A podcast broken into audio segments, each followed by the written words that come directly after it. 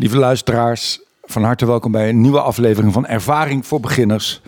En ik zit hier, uh, vol trots kondig ik aan, ik zit hier met Paul van Vliet. Paul van Vliet is geboren in 1935. Hij is uh, 87 jaar oud. En hij is een van de grootste cabaretiers die Nederland uh, ooit heeft gehad. Hij heeft meer dan 100 keer in Carré gestaan. Hij, uh, hij heeft ook in musicals gespeeld. My Fair Lady, de, de beste Higgins ooit volgens de NRC-recensent. Toneel gestaan, liefdesbrieven met Anne-Wil Blankers.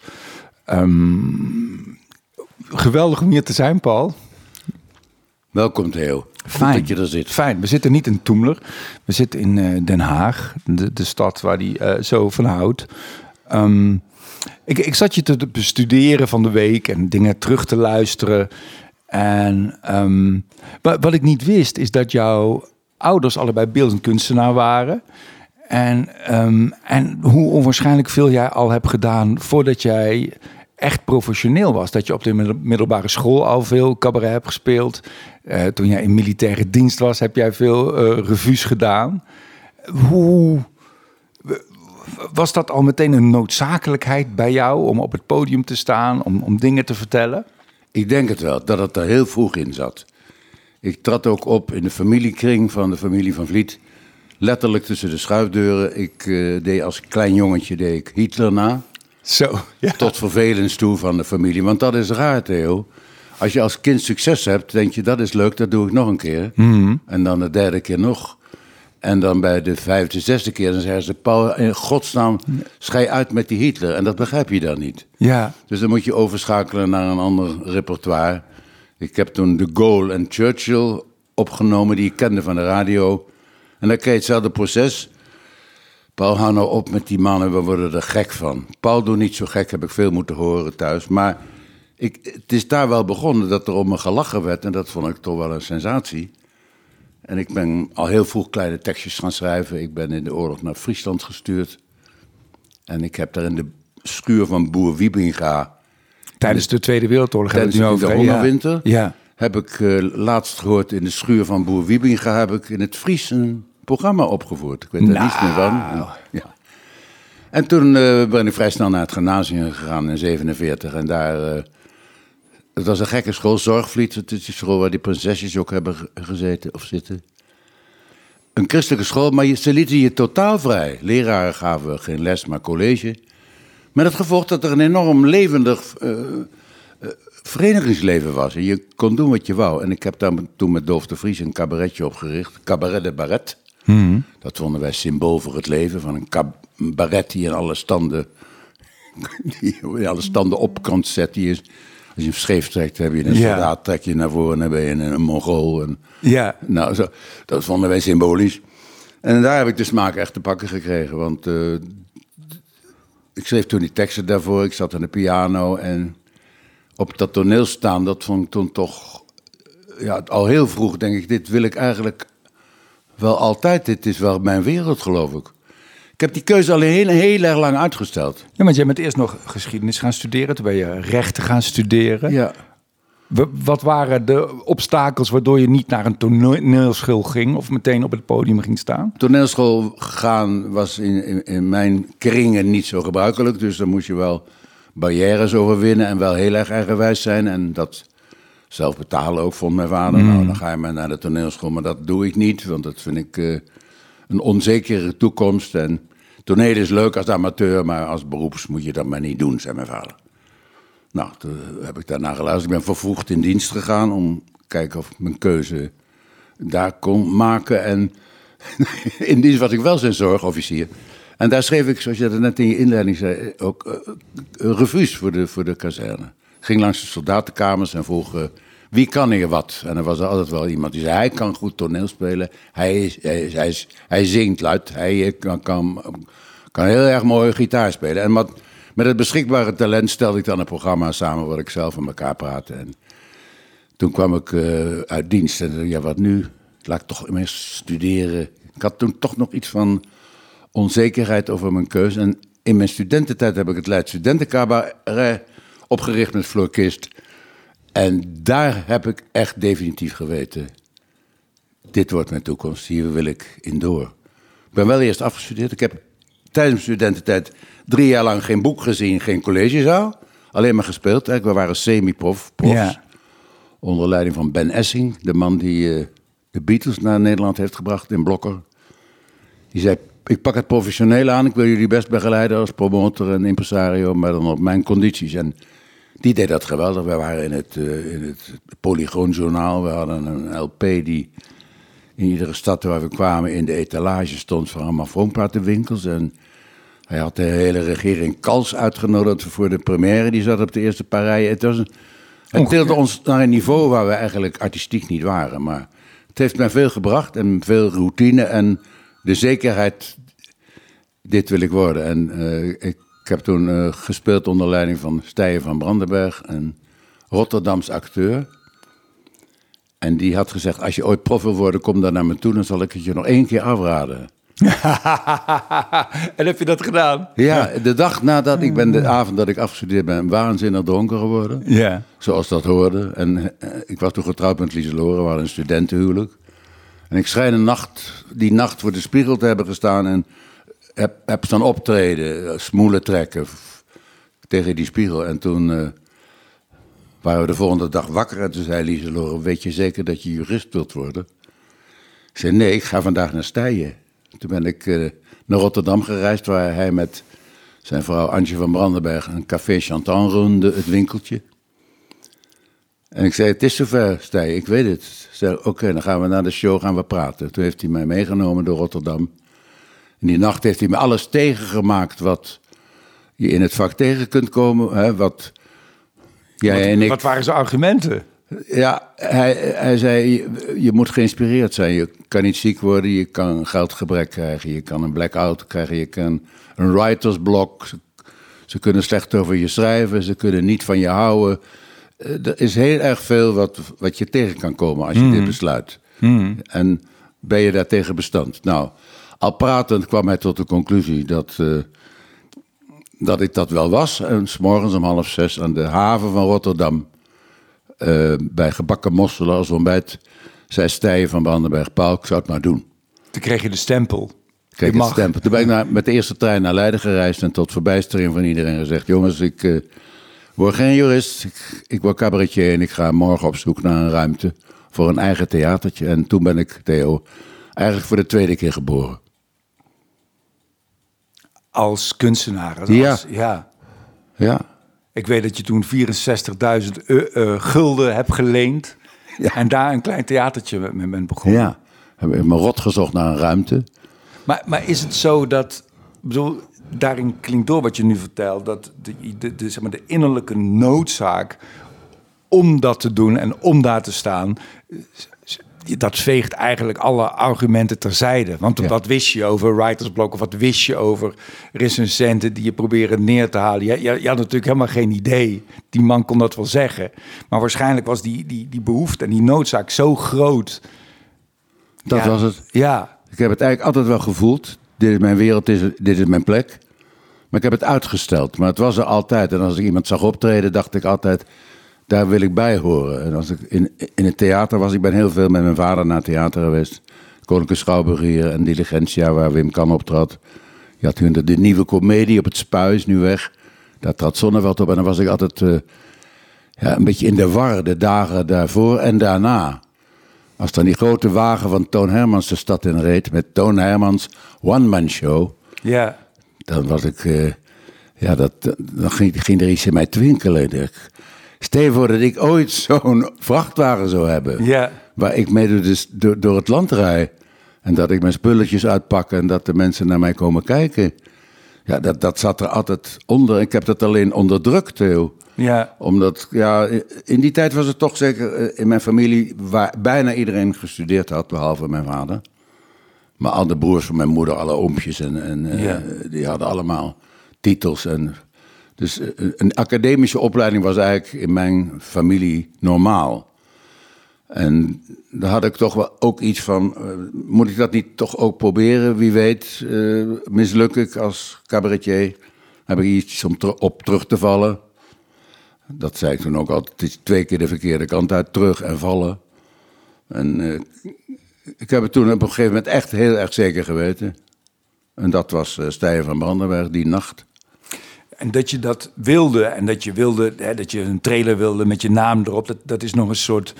Uh, in je jeugd wil je iemand zijn, wil je, iemand, wil je iets betekenen. En dan speelt misschien ijdelheid en ego ook mee. Ja. als ik naar jouw werk kijk, dan gaat het ook over iets heel anders. Op een gegeven moment sta je daar. En uh, dan, komt dan, dan, dan komt ook de vraag van wat, wat wil ik daar doen en wat wil ik daar vertellen? En uh, um, ik vind jou helemaal, op het, zeker op het podium, helemaal niet zo'n bravoermannetje die vertelt van kijk mij is. Hoe, hoe heb je dat ontdekt? Van oké, als als, als ik hier bestaansrecht heb, als ik dit ga doen, wat wil ik daar doen? Is dat een zoektocht geweest of was dat een vanzelfsprekendheid? Nee, wel een zoektocht. Eerst dan denk je, als ik daar maar kan staan, met wat kan me niet zo verschillen. Moet wel goed lopen, daar ben ik altijd heel kritisch op geweest, op de teksten vanaf het begin af aan eigenlijk ook in het Cabaret. Wij waren heel uh, zorgvuldig met de taal. Mhm. Wel iets te zorgvuldig en iets te gekunsteld vaak. Maar wij rusten niet voordat we nog binnenrijmen hadden en ingewikkelde ja. rijmschema's. En, maar we deden daar heel erg ons best op. En het heeft wel de basis gelegd voor mijn latere taalgebruik. Dat ik En heb je dan, sorry dat ik je onderbreek, maar zo'n binnenrijm, heb je het dan over liedjes of ook zelfs in de conferences, ook in de praatjes? Nee, de praatjes niet, de liedjes. Nee, oké, ja, oké. ja. Het moest altijd goed lopen. Ik ben ook wel van, van de, de Amerikaanse school. Eh, de, de song. Hmm. Het American Songbook is wel mijn bijbel geweest vroeger. Hoe, hoe die Amerikanen songteksten schreven, dan, dan was ik daar erg van onder indruk. En dacht, ja, zo moet het eigenlijk. En, en wat daaraan specifiek? Ja, de, de, de, de, enorme aandacht voor de taal en hoe het liep en hoe het in elkaar zat en hoe een refrein terugkwam. En hoe er eigenlijk nooit een stoplap in zat. Maar heel erg, uh, je merkte, die, die, die mannen hebben er lang op gezeten. Die hebben in de taal zitten wieden tot ze precies het goede woord hadden. Ja.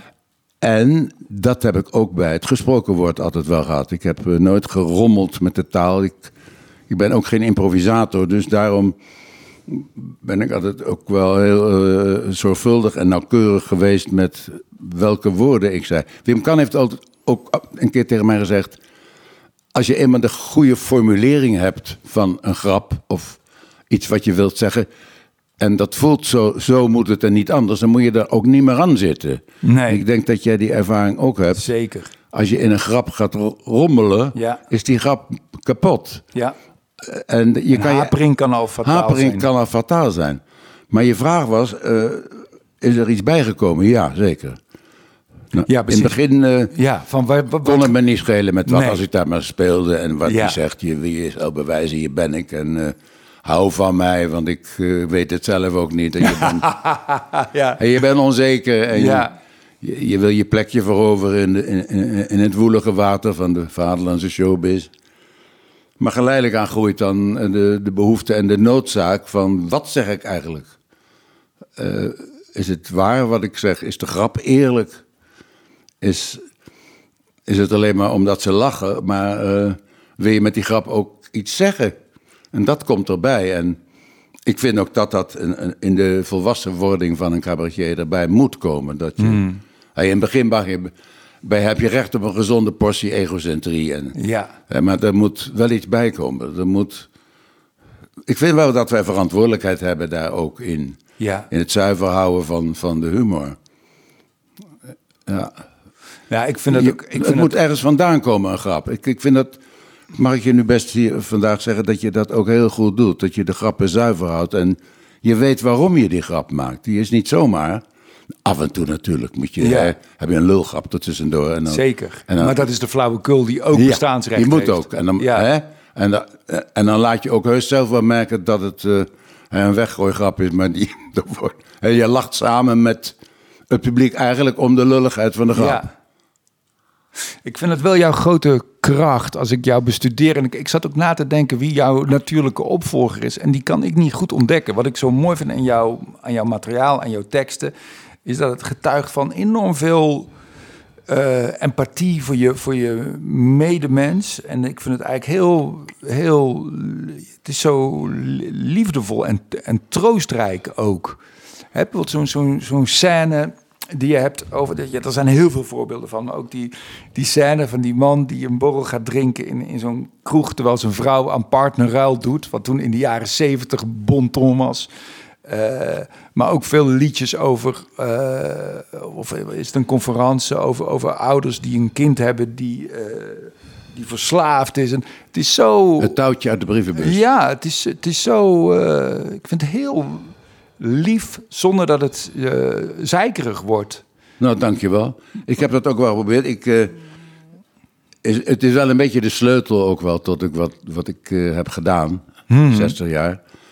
Ik vind het fantastisch om mensen te kunnen laten lachen. En ik ben niet zo grappig van mezelf. Als ze opkomen gaan mensen niet lachen. Ik heb het gemerkt bij jou wel. En ook eh, zeker als mensen als, als André van Duin opkomen... Ja. dan zitten de mensen al, eh, vijf minuten van tevoren te grinniken. Ja, ja. Dat is bij, niet, bij mij niet zo. Ik moet, eh, als ik grappig wil zijn, ik begin ook nooit grappig eigenlijk. Ik begin bijna altijd wel serieus en de laatste jaren ook zachter. Omdat ik gemerkt heb dat die oren van die mensen zijn zo vol van de wereld. Die, die zijn nog niet binnen eigenlijk. Als ze om kwart over acht de doek opgaat en wij komen oplopen, dan zijn ze vaak nog met hun hoofd ergens anders. En van Paul Steenbergen heb ik geleerd, die sprak de eerste tien minuten in zijn toneelstukken extra zacht. Dan zeiden mensen, we verstaan hem niet. Maar wat gebeurde? De- Die oren gingen open. Ja. Psychoakoestiek noemden we dat toen, Ja. met een mooi woord. Psychoakoestiek. Ja. Ja. En eh, dat, dat heb ik ook nodig, de, de stilte, om, om da- van daaruit te beginnen. En ik heb die komische types altijd gebruikt om de mensen te laten lachen. Dan, daarin kan ik ook improviseren. Ik ben geen improvisator die, Nee. eh, als er dingen... Ik weet nu, ik heb nu geleerd hoe het moet als er iets gebeurt wat onverwachts is. Dat is gewoon jezelf blijven. En vroeger dacht ik koortsachtig, oh, nu moet ik grappig reageren. Ja. Ik weet niet of je dat herkent. Nu moet ik ge- geestig zijn als iemand door zijn stoel zakt. Of eh, iemand dronken de zaal verlaat. Dan moet ik leuk zijn, maar dat hoeft niet. Ja, Je moet die. Soms is de situatie benoemen al meer dan voldoende. Ja, precies. Ja. Of die man, eh, als die dronken de zaal uitloopt, begeleidt hem dan eh, naar buiten. Maar ik heb die, die, die, die, die, die komische mannen nodig daar, om, om ze dat te, te laten lachen. En daarnaast, wat je aanstipte, de, de, ja, de, de liefdevolle teksten, de, de empathie. Ik heb mezelf er altijd bij opgeteld. Dat vind ik ook wel de sleutel voor Hoe iedereen. bedoel je dat? Mezelf erbij Bij, opgeteld? dat wij als, als, als. Nou, dat ik toch als een sukkelaar meeloop in de optocht door de tijd. Ja. En Ja, eigenlijk. maar dat vind ik zo mooi. Dat, dat, ik heb ooit een, een, een boek gelezen van Keith, Keith Johnston. Dat is, dat is een soort improvisatiegoeroe van to- toneelimprovisaties. En hij is helemaal gefixeerd op de status die je aanneemt ten opzichte van je medespelers. Maar je neemt ook een status aan ten opzichte van je publiek. Ja. Het een is niet goed of fout. Hè. Jo- Joep van Dek gaat er eigenlijk een beetje boven staan. En die, die, die maakt eigenlijk hè, hoe belachelijk al die andere mensen zijn. En dat, dat doet hij ook heel goed. En Freek heeft dat weer op een intellectuele manier. En, maar, en, en jij verbindt je echt met, eh, op een soort gelijkwaardig niveau. Er is eigenlijk geen statusverschil. En zij, ja, we zijn allemaal sukkelaars, Ja. de mens. En, en jij, jij toont daarin ook je eigen kwetsbaarheid en je eigen sukkelgehalte. Ja, en ik denk dat ook wel een, een, de reden is van. eh, of een van de oorzaken van het succes wat ik heb gehad. Dat de mensen zich in mij herkennen. Ja, Wat heel leuk is, ik, eh, ik, ik speel nog wel een beetje af en toe. Maar wat ik vooral doe is, ik ben op, op stap met mijn boek nu. ja, Dat heet Heimwee naar morgen. En dat doe ik in kleine zaaltjes. Afgelopen zondag was ik in Blaricum. Heel leuk nieuw theatertje. 120 mensen. En dan eh, voor de pauze interview. Kik van der Veer, die heeft mij dan geïnterviewd. Een uurtje, pauze. Dan lees ik voor en daarna signeren. En bij dat signeren komen ze langs. En dan vertellen de mensen allemaal verhalen over hoe je in de kantlijn van hun leven hebt meegelopen. En dat is heel bijzonder om te horen, want dat hoor je anders nooit. Ze schrijven wel eens een brief natuurlijk om je te bedanken of eh, als ze zich geërgerd hebben of, hè, of dat iets niet klopt. Meestal is het over God wat ik heb gezegd. Daar zijn ze het bijna nooit mee eens, want je mag op, op het toneel niet zo van God nog altijd niet zeggen. Dat is het enige waar de mensen zich nog aan stoten, geloof ik. En dat zal bij eh, de, de, de islamieten ook zo zijn. Ik weet niet, je, je hebt er waarschijnlijk ook geen grappen op Mohammed, hè? Nou Moeilijk, ja, hè? ik heb wel een soort, ik heb een Ja. programma gemaakt waarin Ja, ik ik daarmee dat speel. eh, Van eh, Ja. dat ik op zoek ben naar die grap. Ja, Heb- ja, ja. maar dat is, dat is gevoelige materie. Ja, Nou, hè? Ja. Ja, toch linkersoep. ja. Maar ehm, ik, ik, ik, ik, ik wou zeggen dat ik die mengeling juist altijd heb nagestreefd. Van de, de, de, diepste herkenbare stilte tot de, de schaterlach. Die ik allebei echt enorm omarm. Want ik hou daarvan. En daarom ben ik ook steeds meer gaan houden van wat ik deed. Omdat ik steeds meer ontdekte waar ik goed in was. Waardoor je steeds rustiger wordt en eh, meer zelfvertrouwen krijgt. En uiteindelijk vanuit een soort eh, zekerheid speelt. Die, eh, ja, dat is een cadeautje als je lang speelt. Hoe lang speel jij nu?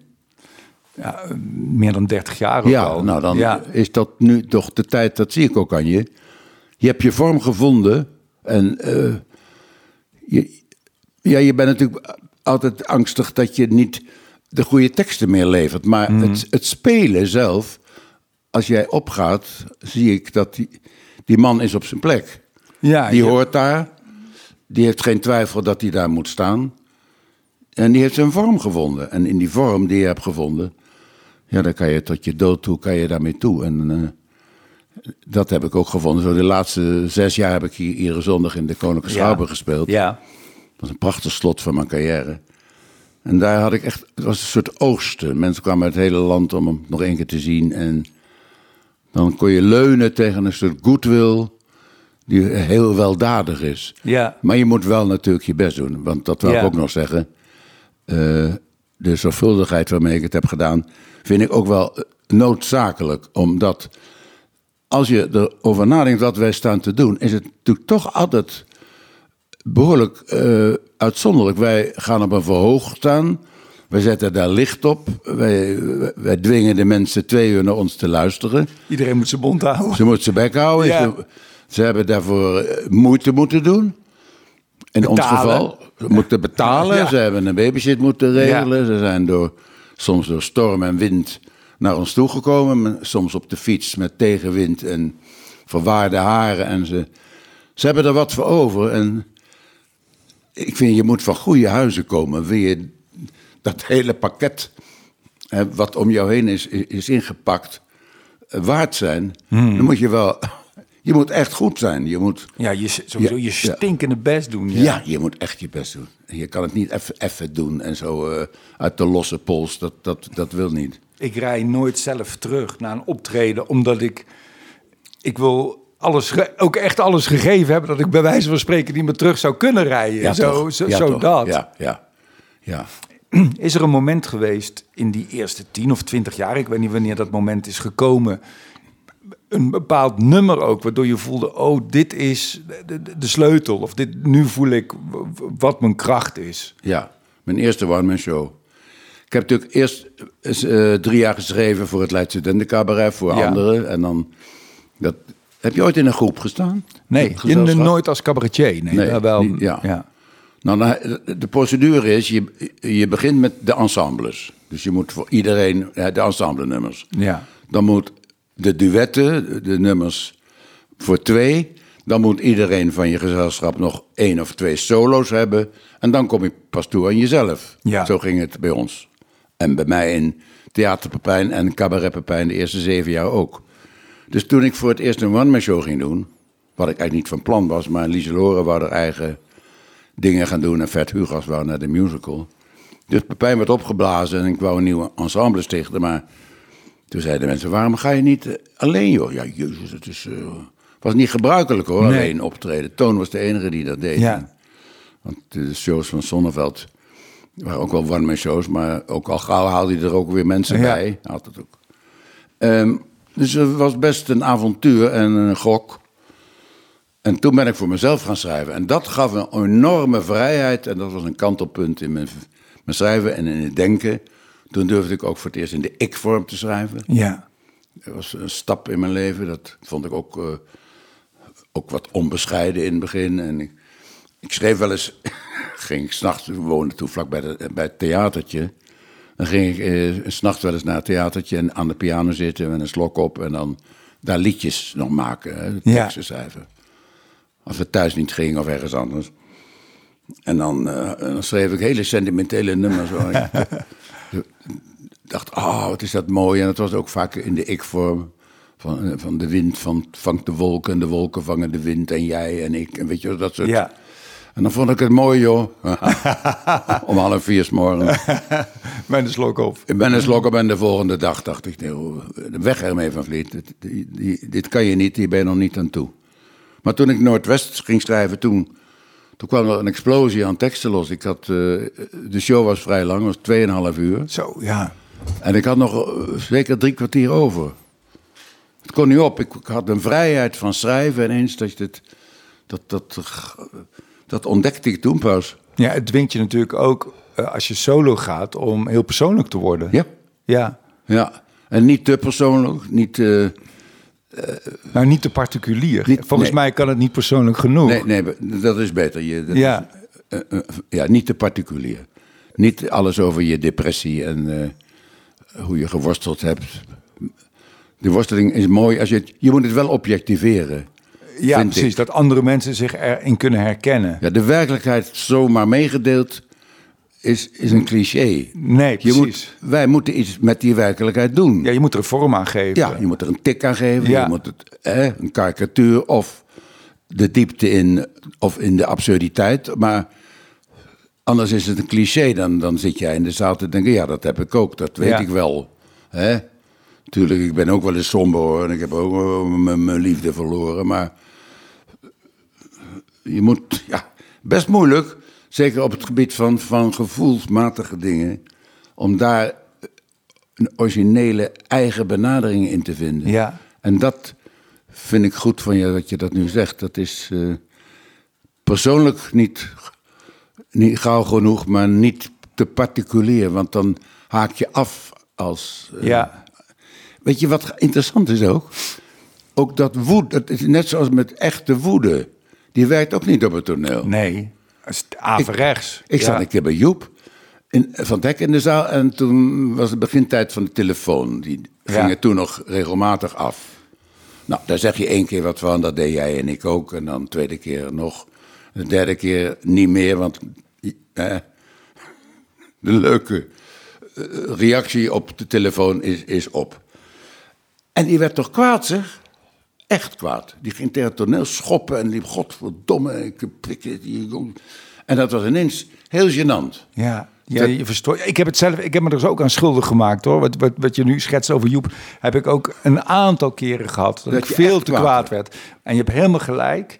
Je, je, je, je, je, je vernietigt een illusie. Ja. En, en een, een, je, er is blijkbaar ook een groot verschil, of in ieder geval een verschil tussen je persoon en je theaterpersona. Ja, ja, En dan komt opeens de persoon naar voren. En oh, dat is dat mannetje wat het allemaal bedacht heeft. Ja, ja. Van, oh, wacht even. Ja. Maar daarom zijn die telefoons ook zo eh, super irritant. Omdat ze ook omdat ze door die, illusie, die telefoons in eerste instantie prikken door die illusie heen. Ja, ja, ja. Het is ook super irritant, maar het heeft geen zin.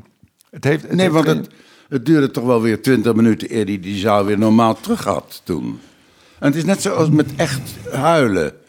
Ik ging een keer naar een voorstelling van Vera en die vroeg na afloop, Vera Man, heb je geweend, Polleke, zegt ze dan. ik zei, nee. Ze zei, nee, want jij weende al. Ja, Jij was, je, je vond het zelf veel te mooi en te gevoelig. ja, Dan, dan hoeft het, bij mij hoeft het dan niet meer. Dan ben ik, je hebt het voor mij gedaan, je moet het anders Ja. voor mij doen. Je moet het objectiveren en je hebt die Japanse, ik moet denken aan die Japanse manga. eh, Tekenfilms, dan zie je altijd van die personages met van die grote ogen. En dan zie je zo die traantjes opwellen, Ja. maar die net niet gaan vallen. Zo. ja. Dat is, daar, daar, daar ergens moet je, moet je zitten. Sommige acteurs kunnen dat geweldig. Die Ja, kunnen vind- echt huilen, maar dan is het toch techniek. Ja. Ja, En dat werkt. Maar ze echt huilen niet, dat is gênant. Maar het is moeilijk. Met gevoel wordt veel gemorst hè, in ons vak. wat bedoel je daarmee? Nou, mooi liedje en dan gaan we een mooi muziekje bij en dan zetten Ja. we er een mooi lichtje op. Ja, Dan gaan we nog mooi staan en dan Ja. En dan trekken we nog een mooi eh, droevig gezicht. En dat telt allemaal op totdat het kapot is. Ik heb een keer een opname van Jacques Brel gezien een, van Ne me quitte pas. En ik ken het ook van anderen en ik ken het ook van hem. Maar zijn manier van is onvergelijkelijk mooi. Ik heb heel veel mensen gezien die is enorm tekeer gaan van Ne me quitte pas. Ja. En En veel gebaren en wanhoops handen naar de hemel. en, en, en, en, en Brel die staat daar een beetje gegeneerd. Heel stil. En hij lacht verlegen. En zegt bijna klein... Ne me quitte pas. Ne me quitte pas. Eh, eh, Een wanhopige jongen. Ja. En mooi. En dat geeft de, de, de schok van de ontroering. Ja. Niet van... Pas. Ja. ja. Je hebt nou Interessant bij... hoor. Ja, heel interessant. Je hebt nou een... Ik weet niet oh, of... sorry. Da- Daar aan toegevoegd, even nog zeggen. Ja, graag. Sorry als ik je onderbreek. Nee, sorry dat ik jou onderbreek. Nee, nee, nee. Dat is trouwens ook met de humor zo. Hmm. Als wij het zelf leuk vinden, is het dan niet meer leuk. Humor moet je ernstig brengen. Een Ja. gevoel moet je licht brengen. Ja. Ja, en ook niet alsof het helemaal de bedoeling is. Want dat verneukt het een beetje. Ja. Hè, en dat geldt denk ik ook voor. En een grap, als je al eh, van tevoren heel duidelijk is dat de bedoeling is dat het een grap is, dat mensen gaan lachen. Maar dat geldt denk ik al inderdaad ook voor de ontroering. Het moet een soort Ja. eh, bijwerking zijn van iets anders of zo. Een van onze collega's, ik zal de naam niet noemen, zei... Ik wil nu alleen nog ontroeren. Ik zei, nou, dat zal je niet lukken, want ja. als je dat zegt, zal het niet gebeuren. Nee. Ontroering kan je niet veroorzaken van tevoren of bedenken. Ontroering ont overkomt je. Dat moet je ook gemeend hebben. En eens zijn mensen door iets ontroerd. Dat heb je zelf niet zo gepland. Want dan wordt het een smartlap als je dat van tevoren gaat voorkoken. Ja. Nou, hier moeten ze dan on- ontroerd zijn. Ja. Dat, dat, dat, dat werkt niet. Het, moet, het is een prachtige emotie, ontroering. Maar Ja. het moet je als performer overkomen. Het is een cadeautje als, ze, als mensen op de eerste rij, als je dat ziet bij een van jouw regels, de hand van hun partner pakken. Hmm. Dat is een mooie reactie. Zeker. Of elkaar even aankijken van, dat hebben wij ook. Of hoor je wat hij zegt Ja. of zingt. Dat is mooi, maar dan ga ik niet van tevoren aan mijn bureau ga ik dat zitten verzinnen. Bij die regel moeten ze een traantje laten. Nee. Dat gaat niet. Nee. En humor, in godsnaam, hou het ernstig. Toon Ja. Hermans was, op- was op zijn allergrappigst als hij een beetje chagrijnig keek. Precies, je moet hem een beetje camoufleren Een beetje hè? bozig. Ja, Kon verontwaardigd vond ik hem eigenlijk het leuk. Als hij verontwaardigd was. Dan was het prachtig. Of- Als hij het zelf leuk begon te vinden. Hij, hij smeet het soms kapot. Dat was zo jammer. Ja. Dan had hij dat hele nummer was hij. en dan ging hij lachen. Ja, Ja, het is twinkelende maar, oogjes. Ja, een grapje. Maar nee, Nee, dat moet je niet doen. Je moet ons de illusie laten dat het. hè? ik vind het een heel goed voorbeeld. Ik heb, ik heb ook nog wel eens later ook echt de one-man shows van Toon Hermans gezien. En ik vind zijn eh, eh, nummers briljant. Er zijn Ja. bijna geen betere... Hè, dat hij dat tennisracket gaat halen, Ja, Sinterklaas. dat is Het on- dat vind ik een van zijn allersterkste nummers. Zo anarchistisch, zo brutaal. Dat zou nu nog heel brutaal zijn. Kan niemand. Nee, nee, fantastisch. Ik weet niet of mensen het kennen, maar ga, ga, ga het opzoeken. Ongeëvenaard goed. Ja, nou ja, ik, la- laat ik hem toch dan even vertellen hoe die ongeveer gaat. Hij Ja. staat op het podium en eh, hij zegt, oh, ik heb, ik heb nog iets leuks, eh, maar eh, daar heb ik eigenlijk een tennisracket voor nodig. En dan laat hij een toneelknecht zijn tennisracket halen en die is weg. En dan staat hij alleen op het podium en dan gaat hij wachten tot die man terug is met het tennisracket. Hij gaat gewoon wachten. Handen op de rug, loopt een beetje op en neer, fluit een deuntje. Dan, dan zegt hij, oh, dit is trouwens ook nog een leuk, leuk liedje. Heb, dat heb ik verzonnen, maar dat, dat doe ik dadelijk wel als ik tijd heb of zo. Zoiets zegt hij dan. Terwijl er is alle tijd, hij doet niks. Ja, dat, is, dat is ongelooflijk. Maar wat ik wilde zeggen, die nummers zijn fantastisch. Maar als je het dan hebt over knoeien, er zit best wel veel eh, eh, ook wel prietpraat tussen. Wat, maar dat, wat denk je, ja, eigenlijk moet je in de montage zou je dat er allemaal uit moeten halen. Ja. Maar dat, was, dat is misschien ook de tijd, weet je. Als hij zegt van, ja, er zijn allemaal mensen met camera's hier, weet je wel. En dan allemaal dat soort... Ja, Toon was natuurlijk een rommelaar. Met, Ja. met, met, met, die had alle tijd. Ja. Dat suggereerde die ook. Het waren lange programma's hoor. Ja, als hij begon met zijn try-outs, dan was het soms 12 uur. Zo. En dan gooide hij de volgende dag wel een kwartier uit en daarna nog een kwartier. Maar het, het was toch wel dik kwart over elf tegen half twaalf altijd bij Toon. Maar Zo. Zoveel tijd en zoveel langzaam praten ook. Een En- kracht, ja, dat is Ja. het ingewikkeld. Dat een kracht vaak ook wel een soort ja, zwakte in dan zich ging hij lekker op, dat bar, op de barkruk zitten. Heel erg op zijn gemak.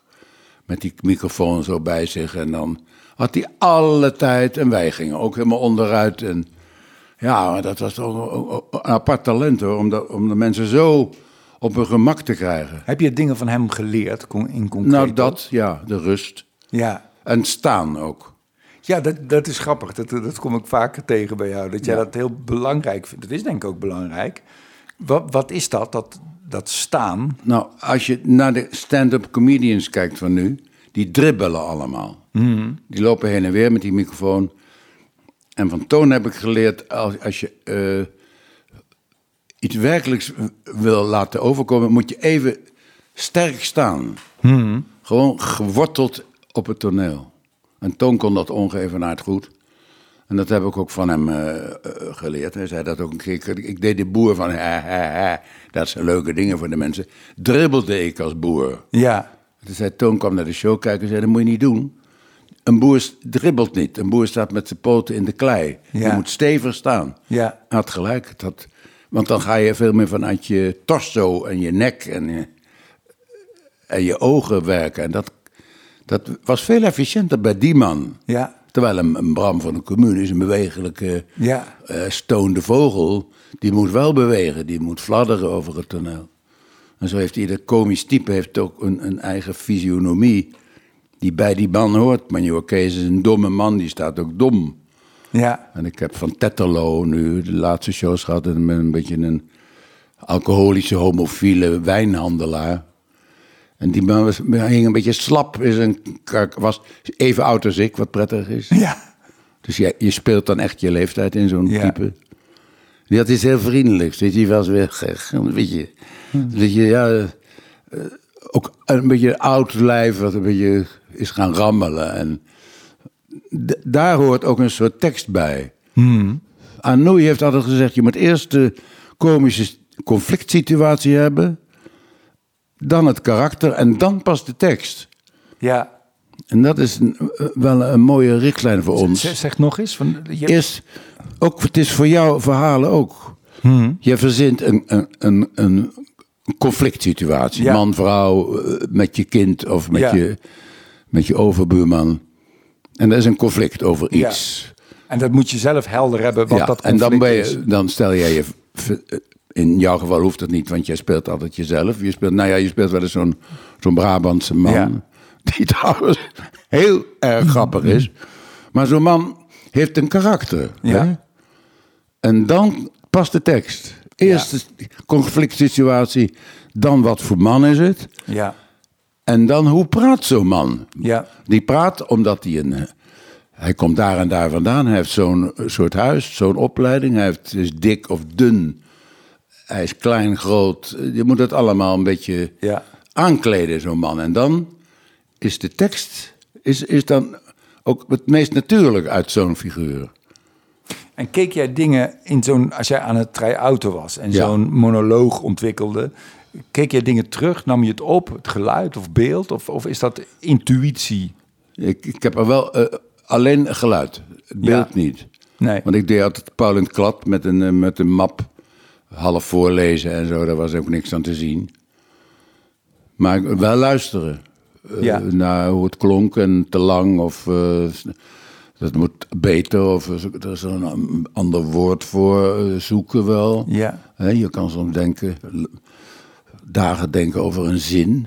Het is een goed lied, maar die derde regel bevalt me niet. eh, Maar ik vind het wel een leuk stadium hoor. En dat zoeken, vind ik ook. Ja. ja. Maar eh, verander je nog veel als speler? Nou ja, ik, ik, nou, als ik hem aan het spelen ben, niet zo, niet zo heel veel. Als ik ja, op een gegeven moment, hij gaat niet op slot, dat, dat is te hermetisch. Maar op een gegeven moment weet ik wel waar ik heen wil en waar ik heen ga. En dan is het natuurlijk wel de kunst om daar elke keer eh, leven in te blazen. Ja. Ehm, maar op een gegeven moment heb ik hem, heb ik hem wel. Ja. Wat ik, wat ik nog wilde zeggen, want dat vind ik, zo, dat vind ik wel heel, heel herkenbaar of heel interessant. Dat, ja, dat over dat heen en weer dribbelen of stilstaan, waar allebei, dat ligt aan de situatie. Maar dat je toch geneigd bent, ik heb dat ook. Ik, ik ben bijvoorbeeld een heel, van mezelf heel bewegelijk. Ja. Ik heb dat allemaal niet zo onder controle. Je hebt die armen. Maar je creëert ook, zonder dat je het weet, ook een hoop ruis. Ruis die niet effectief is voor het verhaal wat je vertelt, maar die wel in wezen afleidt. Dat is het vaak. Die, die ruis die moet, er, die moet eruit, zowel textueel als, als eh, spel. Ja, zeker. Ja. Want jij, heb jij nooit, heb jij, heb jij met regisseurs ook gewerkt? Coaches. Ik heb Nick van der Boezem gehad, dat was een televisieregisseur heel lang. Ik heb één keer Henk van Ulster gehad, dat was geen succes als, als eh, acteur. En eh Eddie Habema, met wie ik maar verleden had gedaan, Ja. die, die begreep ik meteen, zonder bijna woordloos, wat hij ook als regisseur van Higgins in My Fair Lady tegen me zei. Ik snapte die man meteen wat hij bedoelde. En toen dacht ik bij de volgende show, ik vraag Eddie om het met- met te coachen. En wat, wat Twee, is, drie dagen en dan kwam hij kijken en dan zei hij, dat zou ik anders doen. Daar, dat nummer zou ik links doen, want je bent net rechts geweest. Zo, eh, hier zou ik gaan zitten, blijf stilstaan. Dat nummer zou ik eruit gooien. eh, dit kan korter hebben, is ook textueel. Heel goed. En heel muzikaal. We ook goede eh, dingen voor de jongens, voor, van de band. Goede aanwijzingen.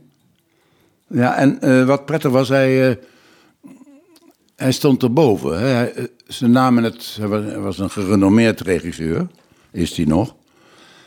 Ze namen het van hem aan. Hè. Eh, ma- iets makkelijker dan van mij.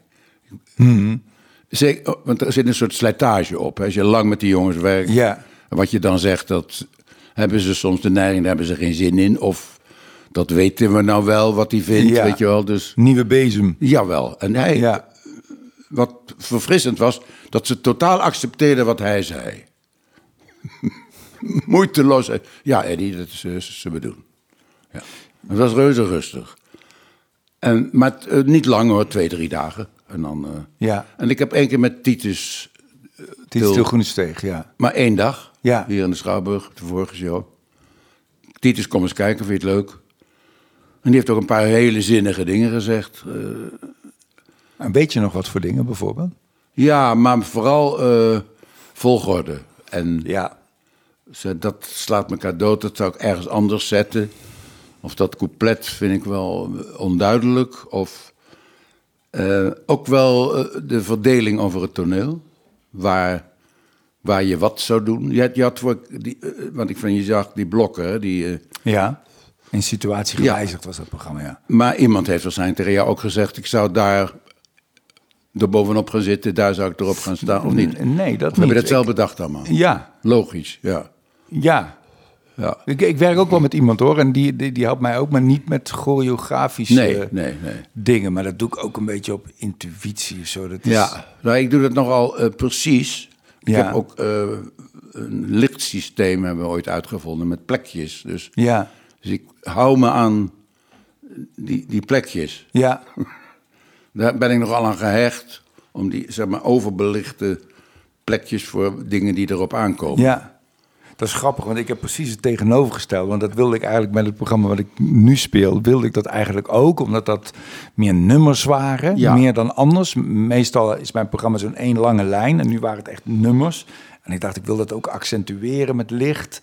Maar ik voelde me zo gevangen Oh in ja, die, dat ik van, die, van dat plekje naar dat plekje moet. Dus ik wil Ja. nu gewoon overal heen kunnen en altijd zichtbaar zijn. Ja. En, ik heb, en tegelijkertijd heb ik echt wel mijn vaste plekken. Want je hebt toch, op een gegeven moment ga je toch dingen Ja. doen.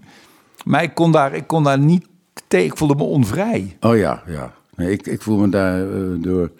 Zeker. Ik, ik, eh, ik heb een stuk of zeven plekken uitgelicht op het toneel waar Ja. ik eh, naartoe wandel.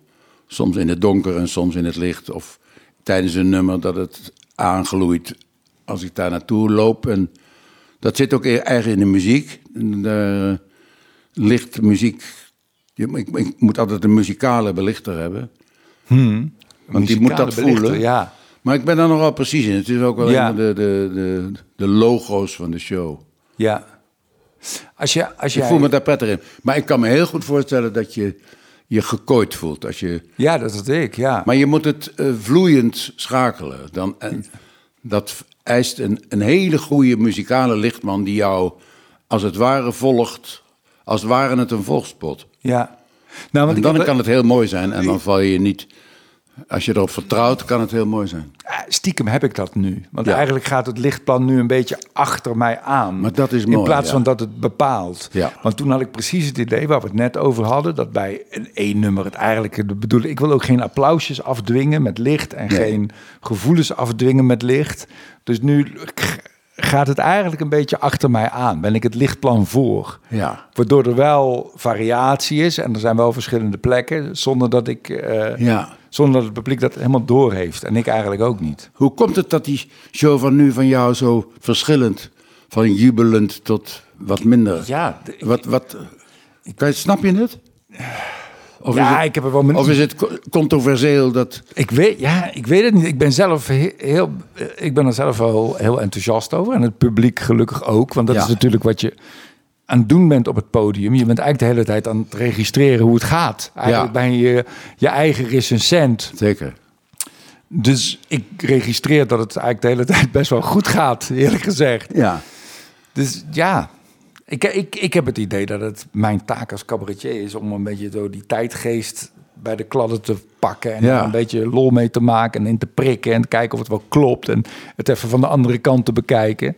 Dus ik vind eigenlijk dat ik mijn taak eh, goed, goed uitvoer. Maar soms lijkt het alsof er een soort teneur is dat dat niet ma- mag. Of dat je daarvan af moet blijven of zo. Dat, dat, dat, het, soort, dat een soort heilig iets wordt. De, Dat is de wel- dominante verhaal. Dat is toch wel een vreemde ontwikkeling. Als dat zo is, hè, dat is mijn Ja. interpretatie. Ik, Ja, weet niet, nou, ik weet niet of het Het zou een hele vreemde ontwikkeling zijn. Want eh, eh, eh, ik heb je wel eens meer verteld dat voor, bij mij werd verweten dat het niet scherp genoeg was en niet hard genoeg. En geen peper en zout strooide in de open wonden van de samenleving. Ja, En toen een keer ging ik naar, Rotterdam, naar Amsterdam voor een serie in de Lamar. Ik dacht, nou, ik zal ook eens een keer... eh, hè, en ik ga naar Amsterdam. Ja. Dus dan moet ik... eh, En ik kom in die Amsterdamse kranten, dus ik zal, ik zal hem eens opzetten. Nou, het was een fiasco. Ik heb de volgende avond al, al die grappen eruit gegooid. Het, het lag me niet. En, nee. dus ik, ik, ik heb dat ook nooit gedaan. Maar mij werd verweten dat, het, hè, dat, het, eh, dat ik het te heilig... Ja, Ja. Ja, te, te, te, te liefde wat je... ja, precies. Wat, waarvan ik net zei dat het je kwaliteit was. Te, Ja, te, ja. te gevoelig, en dat, kwetsbaar. dat is het ook. Ja. Het, het is een deel van mijn succes. Maar het werd me wel verweten door sommige kribbenbijters uit, uit die jaren. Maar ik spreek nu van de jaren... Echt eind jaren 60, begin jaren 70. Toen, eh, ja, dat zijn altijd met modes. de cabaretpolitie noemden wij dat. Ja. Die hele streng waren. We mochten ook eh, niet naar Carré. Van vader Ibo. Dat vond hij een eh, amusementstheater. Wij moesten in kleine zaaltjes blijven. Ja, dat was, hij had een definitie van cabaret, toch? Ja, eh, voor een selectief Ja, publiek. intelligent. Intelligent publiek, kleine zaaltjes. En vooral niet in dat, eh, wat noemde hij dat? Vermalen dijden. Dat revue-theater aan de Amstel. Dat vond hij, moesten wij niet doen. Zijn daar speciale wetten voor? Van als je in zo'n grote... Ik ga ook weer in Carré spelen. Zijn daar speciale wetten voor dat je moet eh, eh, eerbiedigen als je in dat soort zalen speelt? Nee, maar ik kan je wel een tip geven die ik van Toon, Nij- Toon Nijmans heb gekregen. Toen ik voor het eerst naar Carré ging, zei hij, eh, het is heel erg nuttig. Gaat voor de grappen. Je moet hem beneden neerleggen en boven nakijken. Ja. Ja. Zie je het voor je? Ja, ja. Je zegt, er liep een, man door de Kalverstraat en, en die zegt, de sinaasappels zijn duur. Ja. En dan moet je naar de galerij kijken of ze hem daar ook hebben. Of Ja. andersom.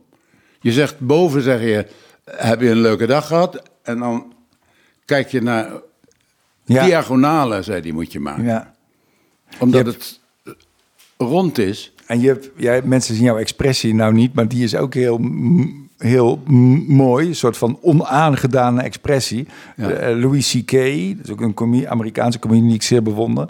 En werd ooit gevraagd door een jonge comedian van... als ik een grap maak, hoe moet ik dan kijken? Wat Ja. moet ik doen? Ja. En toen zei hij, stay in the bit. Ja. Dat vind ik heel goed. Je moet in dat, in dat gevoel en in die situatie Ja. blijven. Nog niet schakelen naar het volgende. Gewoon daar in die situatie blijven die je net geschetst hebt. Stay in the bit. Ja, heel goed. En niet aan de volgende regel denken. Want die ken je wel. Hmm. Dat is ook een hele goeie die ik ooit van Paul Steenberg heb geleerd. De acteur hier van Haars Comedie. Die vroeg ik ook een keer toen ik net begon. Meneer Steenberg, wat is komen kijken. En toen zat hij in de zaal. Jongens, dit is mijn vak niet, ik weet het niet. Een van de grootste acteurs van Nederland ooit. Zei, jongens, ik weet niet wat ik hiervan moet zeggen. Dit is jullie wereld, ik heb daar geen verstand van. Kan je wel een tip geven? Denk nooit aan de volgende regel, want die ken je wel. Blijf inderdaad in de bit. Ja. Laat die iedere eh, nieuwe regel opnieuw ontstaan. Ja. En dat is een gouden tip waar ik nog altijd iets aan heb. Omdat het, eh, daardoor blijft het nieuw. Als jij het, als het ware, zit tussen iedere regel zit een, maar ja, jij weet het allemaal best, zit een klein witje. En in dat kleine witje verzin je het volgende. Ja. Ik zeg maar, het, het, het nummer van de, de, de zee heb ik denk ik duizend keer gezongen. Hè? Ja. De zee heeft me verteld dat ze zo moe is. Ze zei dat ze er zeer beroerd aan toe is. Er zit een nieuwe gedachte tussen. Als je zegt de zee heeft me verteld dat ze zo moe is, ze zei dat ze er zeer beroerd aan toe is, dan is die tweede regel heeft veel minder kracht dan wanneer ik zeg de zee heeft me verteld dat ze zo moe is. En wat vertelde ze nog meer in dat gesprek aan het strand? Ja. Nou, ze zei, weet je, zo. Ja. Dat zijn, eh, dat zijn ook voor grote zalen zijn dat hele lekkere tips. Nadenken op het toneel is ongelooflijk interessant. Als je even nadenkt en bijna een, eh, ook, ook een, een binnenpretje hebt. Ja. Dat, dat is, en als dat echt is, dan is het. dat je, dat je zelf- jezelf grinnikt, dat is zo aanstekelijk. Ja. En dat is leuk om te zien. Ja, en mensen... En als je je opwint, is natuurlijk ook fantastisch. Hè? Je kan zo ook, ook, ook- dat, dat, dat quasi boos worden, vind ik een van jouw grote dingen. Dat, hè? Ik vind het ook heel mooi. bij- Lodewijk zegt, Theo is soms gevaarlijk. Ik vind En het dat ook is leuk. mooi je bij- moet een beetje gevaarlijk zijn. Er moet een mysterie om jou hangen. Dat is ook goed. Als je precies weet wie jij bent, dat is, niet goed. Een, een, een echt groot talent heeft, heeft een vraagteken. Wat, Hmm. Ze moeten toch een beetje na afloop denken van... Wat, wat is dat nou toch? Ja. Hij heeft iets, die Theo Maassen. Maar ik weet niet precies wat het is. Het is hij heeft toch ergens een geheim. En daar... Het is het mooiste als je dat zelf niet weet. En, en dat, maar het is wel interessant. Ik zag Streisand een paar dagen geleden. We hadden zin om iets moois te zien. En Ja. een, een concert van Barbara Streisand. Twee keer een uur. van de Barbara Streisand van nu. Ja, nou, Ja. ze was denk ik 70 of zo. Ja, maar ja. waanzinnig. Ja. Wat een talent. Heel erg op de gemak. Ging ook af en toe zitten. Een beetje hangen op een barkruk. Maar die, eh, die heeft ook iets. eh, een soort raar mysterie waar je niet helemaal achter komt. Want je, ze zingt natuurlijk adembenemend mooi en timed f- als een duivel. En een tekstbehandeling om, om, om- zes keer u tegen te zeggen. Alles klopt aan die vrouw, maar wat het nou voor vrouw is, dat, dat weet je niet. Ja. En dat is leuk. Ja. Beetje mysterie om, om, om Theo Maassen. Dat is, dat is leuk hoor. Ja. Wat is het voor man? Hij is ontzettend grappig en hij is ook soms gevaarlijk en hij is groot en hij heeft die lange armen en hij kan kwaad worden en hij, je kan vreselijk om hem lachen en hij, eh, hij heeft ons goed door en hij heeft eh, de mannen en de vrouwen ook goed door. En, maar ja, hoe, hoe zou het zijn met hem als je nou eh, met hem in de kroeg zou zitten en zo? Of in een podcast. Of in een podcast. ja, is leuk hoor. Nog een hele praktische vraag, Paul. De, de, eh, jij kan echt terugkijken naar een heel groot deel van jouw carrière. Heb jij, nou ja, eigenlijk refereer ik aan de bekende uitspraak, volgens mij is die van Wim Kan. Als je, als je een leven hebt, dan heb je geen programma. Als je een programma hebt, heb je geen leven. Eh, v- heb jij goed gedoseerd ge- gewerkt? Heb je te hard gewerkt? Heb je te, te zacht gewerkt? Of precies, precies gen- genoeg? Nee, ik heb dat evenwicht niet bereikt pas heel laat. Ja. Ik heb echt wel voor mijn vak geleefd en dat het belangrijkste gevonden in mijn leven. Mhm. Daar toch dingen aan opgeofferd. Eh, ik denk mijn eerste huwelijk is daardoor gestrand, omdat we allebei te veel met het vak bezig waren, Lieselore en ik. Het lag altijd tussen ons in, zeg maar, ook, ook in bed. En ehm, ik heb een tweede gezin kunnen creëren met Liedewij en twee kinderen die ze inbracht. En ik heb me wel vaak uit de voeten gemaakt in een, in een rookgordijn van artistieke bevlogenheid. Ja. Ik heb me wel ontrokken aan het gezinsleven. Ik heb die stiefvaderrol nooit goed ingevuld en heb veel voorrang verleend aan mijn eigen carrière. Tot op een gegeven moment ik eh, me realiseerde, ook door wat Liedewij zei, dat ik dat wel eh, te veel deed. Maar het is een internationaal eeuwig dilemma, Theo. Ja. Voor alle bevlogen artiesten. Of je wat je ook doet. Of je nou muzikant bent, of danser, of cabaretier, schilder. Als jij bezeten bent van je werk, van je vak, de wereld die daarbij hoort, dan is dat zo intens. Dat gevoel bereik je eigenlijk niet. En als je me nu vraagt, nu ik eigenlijk gestopt ben, wat mis je het meest? Dan is het de intensiteit van de voorstelling. Niet het applaus, niet de bloemen, niet het succes, de bekendheid kan me allemaal geen reet schelen. Maar eh, de, wat je bereikt, zeg maar lopende de voorstelling, dan, dan, dan een soort vervulling. Dus ja, nu gaat de voorstelling gaat drijven, nu zijn we één geworden. En dat is het mooie van grote zalen. Als, als Carré, als je dat bereikt, dan kan zo'n grote zaal met 1600 man heel stil zijn of eh, uit elkaar spatten van het lachen. En dat, dat zijn de momenten die ik mis, omdat je dat in geen enkele om, andere omstandigheid in je leven hebt. Ja. Omdat de rest is, is passief genieten. Ik kan natuurlijk in vervoering raken van een vioolconcert, of van een adembenemende danser, of van een cabaretier die mij eh, door elkaar schokt.